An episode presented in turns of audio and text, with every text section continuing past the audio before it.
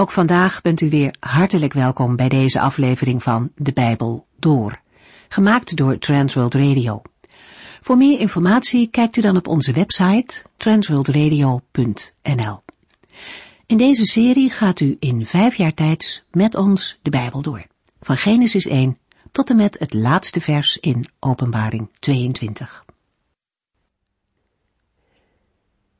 De vorige uitzending sloten we af met een wens van Paulus uit de brief aan Philemon.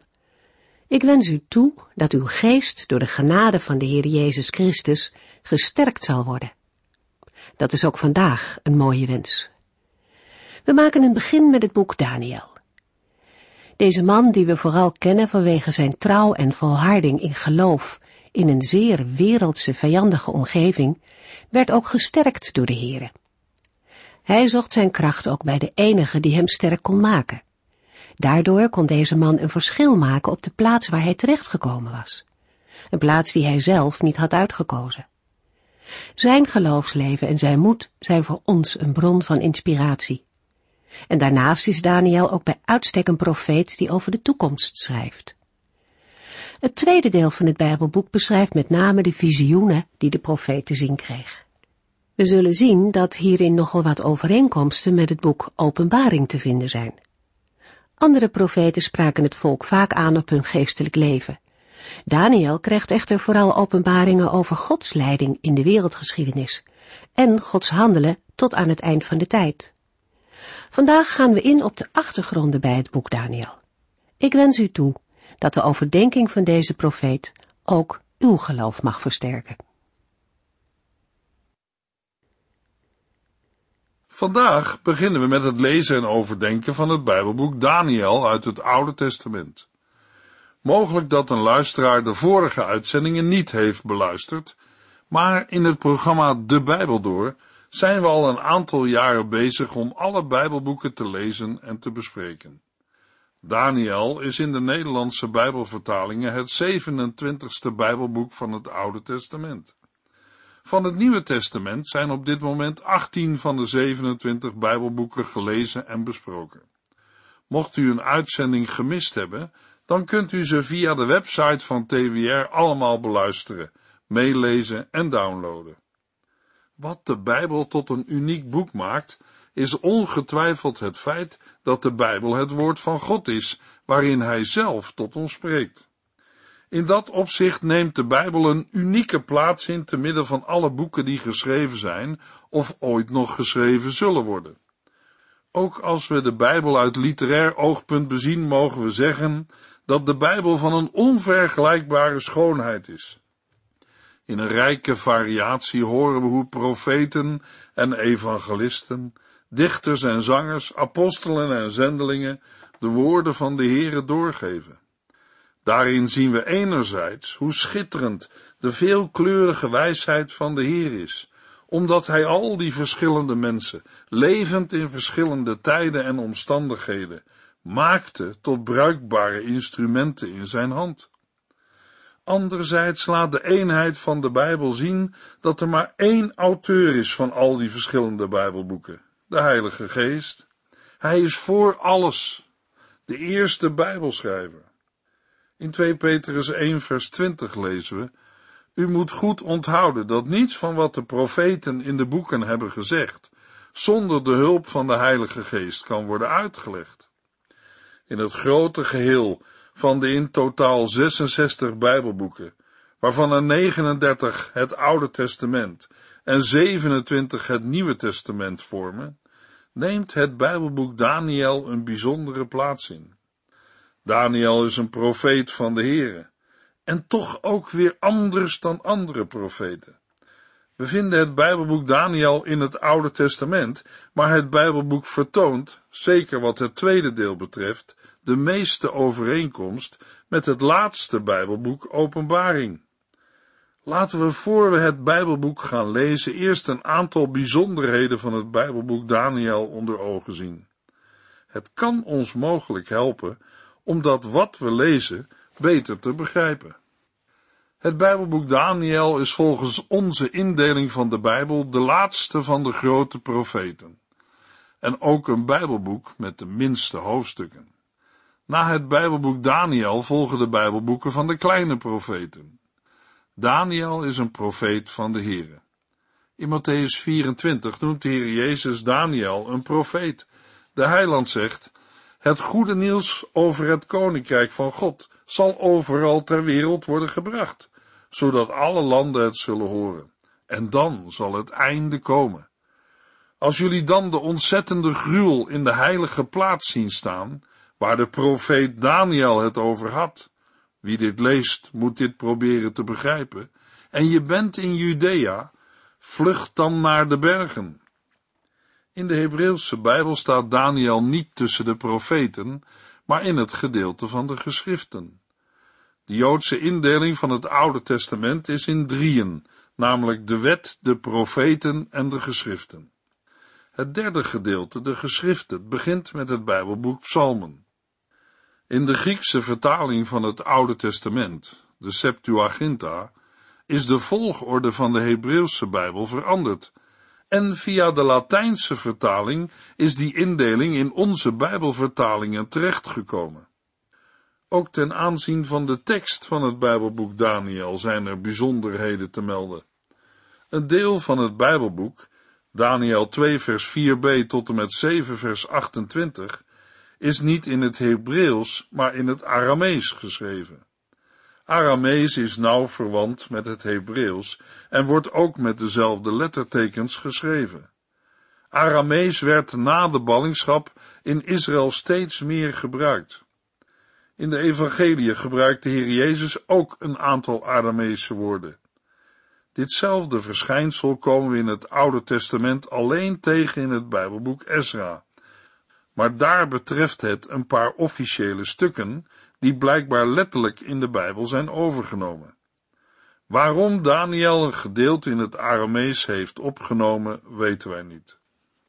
Een verklaarbare oorzaak zou kunnen zijn dat in de bange tijd van de Griek-Syrische overheersing, in de dagen van Antiochus Epiphanes, de oud-testamentische antichrist, de Hebreeuwse tekst van Daniel verloren is gegaan.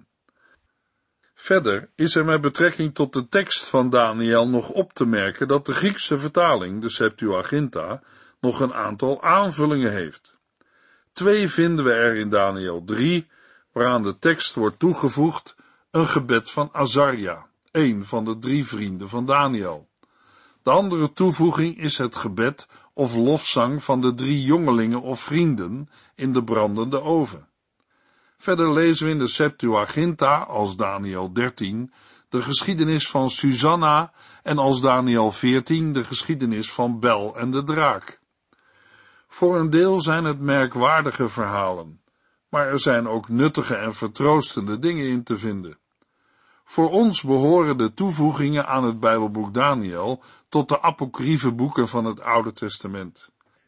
Het zijn gedeelten waarvan het ontstaan verborgen is en niet op één lijn te stellen met de andere boeken van de Bijbel, al kunnen we er best iets van leren. Over de tijd waarin het Bijbelboek Daniel is ontstaan, wordt onder Bijbeluitleggers nogal verschillend gedacht. Vooral in het tweede deel van het Bijbelboek vinden we gedeelten die letterlijk lijken te slaan op de tijd van de al eerder genoemde Griek-Syrische koning Antiochus Epiphanes. Tot zijn koninkrijk behoorde ook Israël, waarover hij een waar schrikbewind voerde, ook met betrekking tot de Joodse godsdienst. Op grond hiervan zijn sommige uitleggers van mening dat het Bijbelboek Daniel geen profetie is, maar pas na de gebeurtenissen van Antiochus Epiphanes zijn opgeschreven. Volgens deze uitleggers is Daniel niet meer dan een historisch verslag, dat achteraf het karakter heeft gekregen van een profetie. Maar daar zijn wij het totaal mee oneens. Die gedachte is een ondergraving van Gods gave van de profetie en in strijd met de eerbied voor Gods woord. In het Nieuwe Testament heeft de Heer Jezus Christus, maar ook de apostel Johannes op Patmos, laten zien dat de profetieën van Daniel, hoezeer zij ook een eerste vervulling hebben gekregen in de tijd van Antiochus Epiphanes, nog op een verdere vervulling wachten en dat de profetieën van Daniel ook vandaag nog wachten op een volledige vervulling. Het Bijbelboek Daniel ziet niet alleen op de tijd tussen het Oude en Nieuwe Testament. Het bevat de heilsgeschiedenis vanaf de tijd van de ballingschap tot aan de tijd van de wederkomst van Jezus Christus. Over de indeling van het Bijbelboek kunnen we zeggen dat de profetie van Daniel zich in twee delen laat onderscheiden. De eerste zes hoofdstukken zijn duidelijk onderscheiden van de laatste zes hoofdstukken. Zo bekend als de eerste zes hoofdstukken zijn, zo onbekend zijn de laatste zes hoofdstukken. Natuurlijk spreekt het eerste deel van het Bijbelboek Daniel bijzonder aan. Niet voor niets horen de verhalen over Daniel en zijn vrienden tot de bekendste uit de Bijbel. In Daniel 1 tot en met 6 lezen we de verschillende berichten over Daniel en in de hoofdstukken 7 tot en met 12 de gezichten of visioenen die Daniel van de Heer ontving. We gaan nog wat verder in op het karakter van het Bijbelboek Daniel. Wat is het Bijbelboek Daniel nu eigenlijk voor een boek?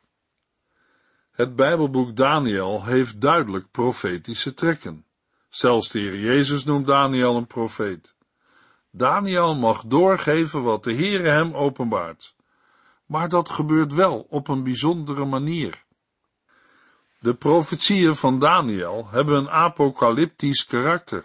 Dat wil zeggen dat Daniel onthullingen mag doen van zaken die zich soms in de verre toekomst afspelen. Een profeet van God stelt zaken aan de orde betreffende de verhouding van de Heere tot zijn volk en omgekeerd. We hebben al bij andere profeten gezien dat zij daar niet over mogen zwijgen. Daniel krijgt openbaringen over de verhouding van het koninkrijk van God ten opzichte van de koninkrijken van deze wereld. Sommige van de openbaringen die Daniel ontvangt, moeten worden verzegeld, dat wil zeggen, zorgvuldig worden bewaard voor de bestemde tijd. Heel het Bijbelboek Daniel is vol van botsingen tussen Gods koninkrijk en de koninkrijken van de wereld. Praktisch in elk hoofdstuk zien we op een of andere manier die strijd steeds tevoorschijn komen. Het is de strijd tussen licht en duisternis. Met geweld, list en intriges wordt geprobeerd het rijk van God naar de ondergang te helpen. Maar steeds weer loopt het uit op het omgekeerde. Het koninkrijk van God overwint. Het loopt uit op een nederlaag van de koninkrijken van deze wereld en de totale ondergang van het rijk van de duisternis, inclusief Satan. De onthullingen van het Bijbelboek Daniel zijn soms angstaanjagend, ook heel ontdekkend als de Heere de listen van Satan laat zien. Daarom zijn de openbaringen die de profeet Daniel doorgeeft ook geweldig actueel. Ook vandaag worden de kinderen van God bedreigd door de verleidingen van deze wereld. Ook vandaag probeert de vorst van de duisternis zijn duizenden te verslaan. Licht en duisternis strijden nog steeds op dezelfde fronten. Aan de andere kant zijn de openbaringen die Daniel van de Heere ontvangt ook bijzonder vertroostend. Uit het Bijbelboek Daniel blijkt dat de Heere het laatste woord heeft en dat Hij zijn volk de overwinning geeft. Telkens klinkt in het Bijbelboek Daniel de overwinningslach van de Heere. Hij regeert en toont zijn almacht. Voor de vijanden van God is het Bijbelboek Daniel een dramatische beschrijving van hun ondergang. Maar voor het zwakke volk van God, voor de rest die is overgebleven van het volk Israël, voor de gemeente van Christus, waarin Joden en niet-Joden aan het einde der tijden zijn gekomen, is het een geweldige bemoediging. Zij die als slachtschapen werden beschouwd, maakt de Heere tot meer dan overwinnaars. Vooral in het laatste deel van het Bijbelboek Daniel zal ons telkens de verrassende overeenkomst treffen tussen Daniel en Johannes op Patmos. Tussen de oude balling in Babel en de oude balling op Patmos. Beide werden al heel jong door de Heere geroepen. Beide werden erop uitgestuurd als schapen onder de wolven. Beiden mogen zij Gods volk, dat leeft te midden van een vijandige en schijnbaar overmachtige wereld, troosten en bemoedigen. Voor we gaan lezen in het Bijbelboek Daniel, wil ik nog twee aspecten over het Bijbelboek Daniel aan u doorgeven. Ik wil nog iets zeggen over de betekenis van het Bijbelboek Daniel en iets over de persoon van Daniel. Over de betekenis van het Bijbelboek Daniel wil ik een paar algemene dingen zeggen, omdat we er bij het lezen en de uitleg van het Bijbelboek nog dieper op zullen ingaan. Daarbij moet u er rekening mee houden dat, wat betreft de uitleg, het Bijbelboek Daniel een van de moeilijkste Bijbelboeken is, vooral het tweede gedeelte.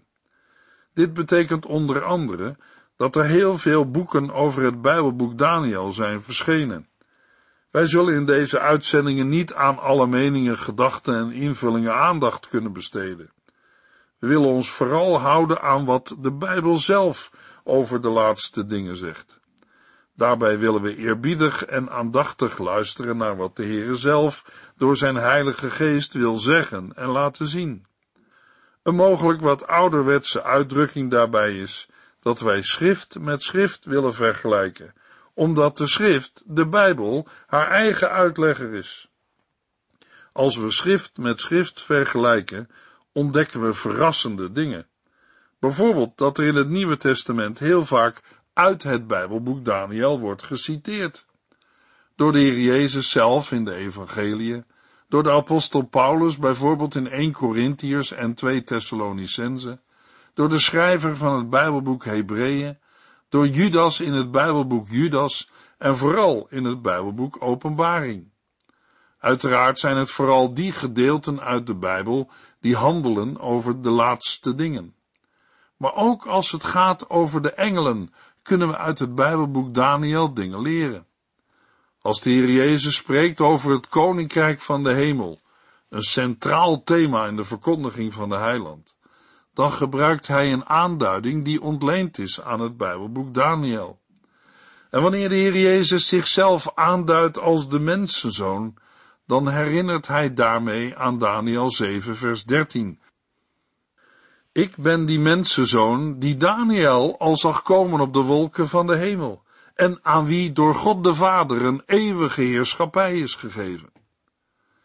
In Filippenzen 2 vers 9 en 10 lezen we, Daarom heeft God hem de hoogste plaats en de allerhoogste titel gegeven, zodat in de naam van Jezus iedereen in de hemel, op aarde en onder de aarde, zijn knieën zal buigen en tot eer van God de Vader openlijk zal erkennen, Jezus Christus is de Heere.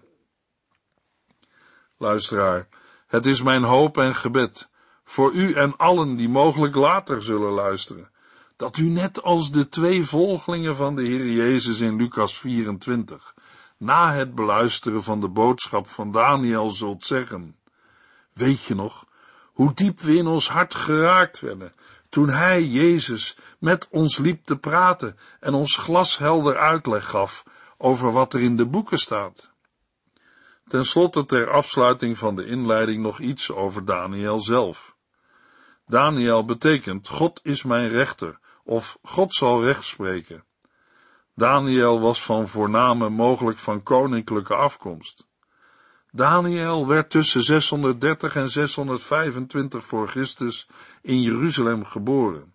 In de tijd dat de jonge koning Josia begon met een grote schoonmaak in Juda en Jeruzalem door de heidense tempels en Asherah-beelden en andere gesneden en gegoten afgodsbeelden te verwijderen. Kort daarna werd het wetboek teruggevonden en werden Josia's hervormingen nog radicaler. Josia zorgde ervoor dat het Pascha weer werd gevierd. Ongetwijfeld is de jonge Daniel onder de indruk geweest van deze gebeurtenissen. Daarnaast zullen de profeten Jeremia en Sefania invloed op Daniel hebben gehad. Nauwelijks twintig jaar oud werd Daniel met andere jonge mensen van adellijke families door de troepen van Nebukadnessar naar Babel weggevoerd. Uit Daniel 1 vers 4 blijkt dat Daniel al een bijzondere opleiding had gehad en dat hij zeer begaafd was en er wat betreft zijn uiterlijk goed uitzag. In Babel werd hij in een periode van drie jaar vertrouwd gemaakt met de taal en de wetenschap van de Galdeën. In die tijd had de Heer hem al de gave gegeven dromen en visioenen te verklaren. Tijdens de regering van Nebukadnessar bekleedde Daniel een van de hoogste posten in het koninkrijk Babylonië. Dat was begonnen vanaf het moment waarop de Heere hem de droom van het grote beeld en de betekenis ervan had geopenbaard. Tijdens de regering van de volgende koning, zijn naam wordt in het Bijbelboek Daniel niet genoemd, schijnt Daniel min of meer vergeten te zijn. Dat hoeft ons niet te verwonderen, want een zoon van Nebukadnessar werd na twee jaar door een zwager vermoord. Deze zwager regeerde vier jaar en werd daarna opgevolgd door zijn zoon. Die regeerde op zijn beurt maar negen maanden, want toen werd hij ook vermoord. In zijn plaats stelden de moordenaars een kleinzoon van Nebukadnessar aan, Nabonet. Hij regeerde van 556 tot 539 voor Christus.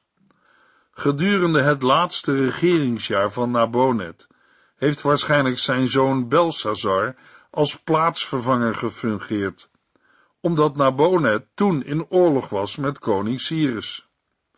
Onder de korte regering van Darius de Meder had Daniel weer een eervolle positie. Daniel is dan een van de drie belangrijkste ministers van het koninkrijk. Zeer waarschijnlijk heeft hij invloed gehad op de beslissing van Cyrus om de Joden te laten terugkeren naar hun vaderland Israël, om er de tempel te herbouwen en tegelijk de heilige voorwerpen uit de tempel mee terug te nemen naar Jeruzalem. Destijds waren deze heilige voorwerpen door Nebukadnessar meegenomen en door Belsazar ontwijd. We kunnen ons voorstellen dat Daniel aan koning Cyrus de profetieën van Jezaja heeft voorgelezen. En dat de profetieën van Jezaja diepe indruk op Cyrus maakten. We weten uit andere bronnen dat Cyrus voor de godsdienstige opvattingen van andere volken groot respect had. Daniel moet toen 90 jaar oud zijn geweest omdat hij vanaf 605 tot en met 536 voor Christus in koninklijke dienst was en ongeveer 20 jaar oud was toen hij naar Babel werd weggevoerd. Met de inleidingen op de Bijbelboeken van de profeten Jeremia en Ezekiel is ook het historische kader aangegeven van de tijd waarin Daniel leefde. Voor de genoemde informatie verwijs ik u naar de eerste uitzendingen van de genoemde profeten. Terwijl de andere profeten hoofdzakelijk redenvoering hielden ter opwekking van het geestelijk leven, zijn de openbaringen die Daniel ontving van historische aard en belichten zij met een zeldzame helderheid hoe Gods leiding zal zijn in de wereldgeschiedenis. Het werd Daniel door de Heere gegeven, opkomst en ondergang van wereldrijken te voorzien, hun volslagen vernietiging enerzijds en anderzijds de uiteindelijke triomf van Gods eeuwige koninkrijk. Niet alleen de nabije toekomst, maar ook de nog ver verwijderde toekomst ontvouwt zich voor Daniels ogen. Want Daniel is aankondiger van de eindoverwinning van hem die op de wolken komt. Kenmerkend voor de boodschap van Daniel is de verheerlijking van de Here in de geschiedenis zijn heerschappij boven alle menselijke macht en de onweerstaanbare uitvoering van zijn heilsplan. We gaan nu lezen in het Bijbelboek Daniel.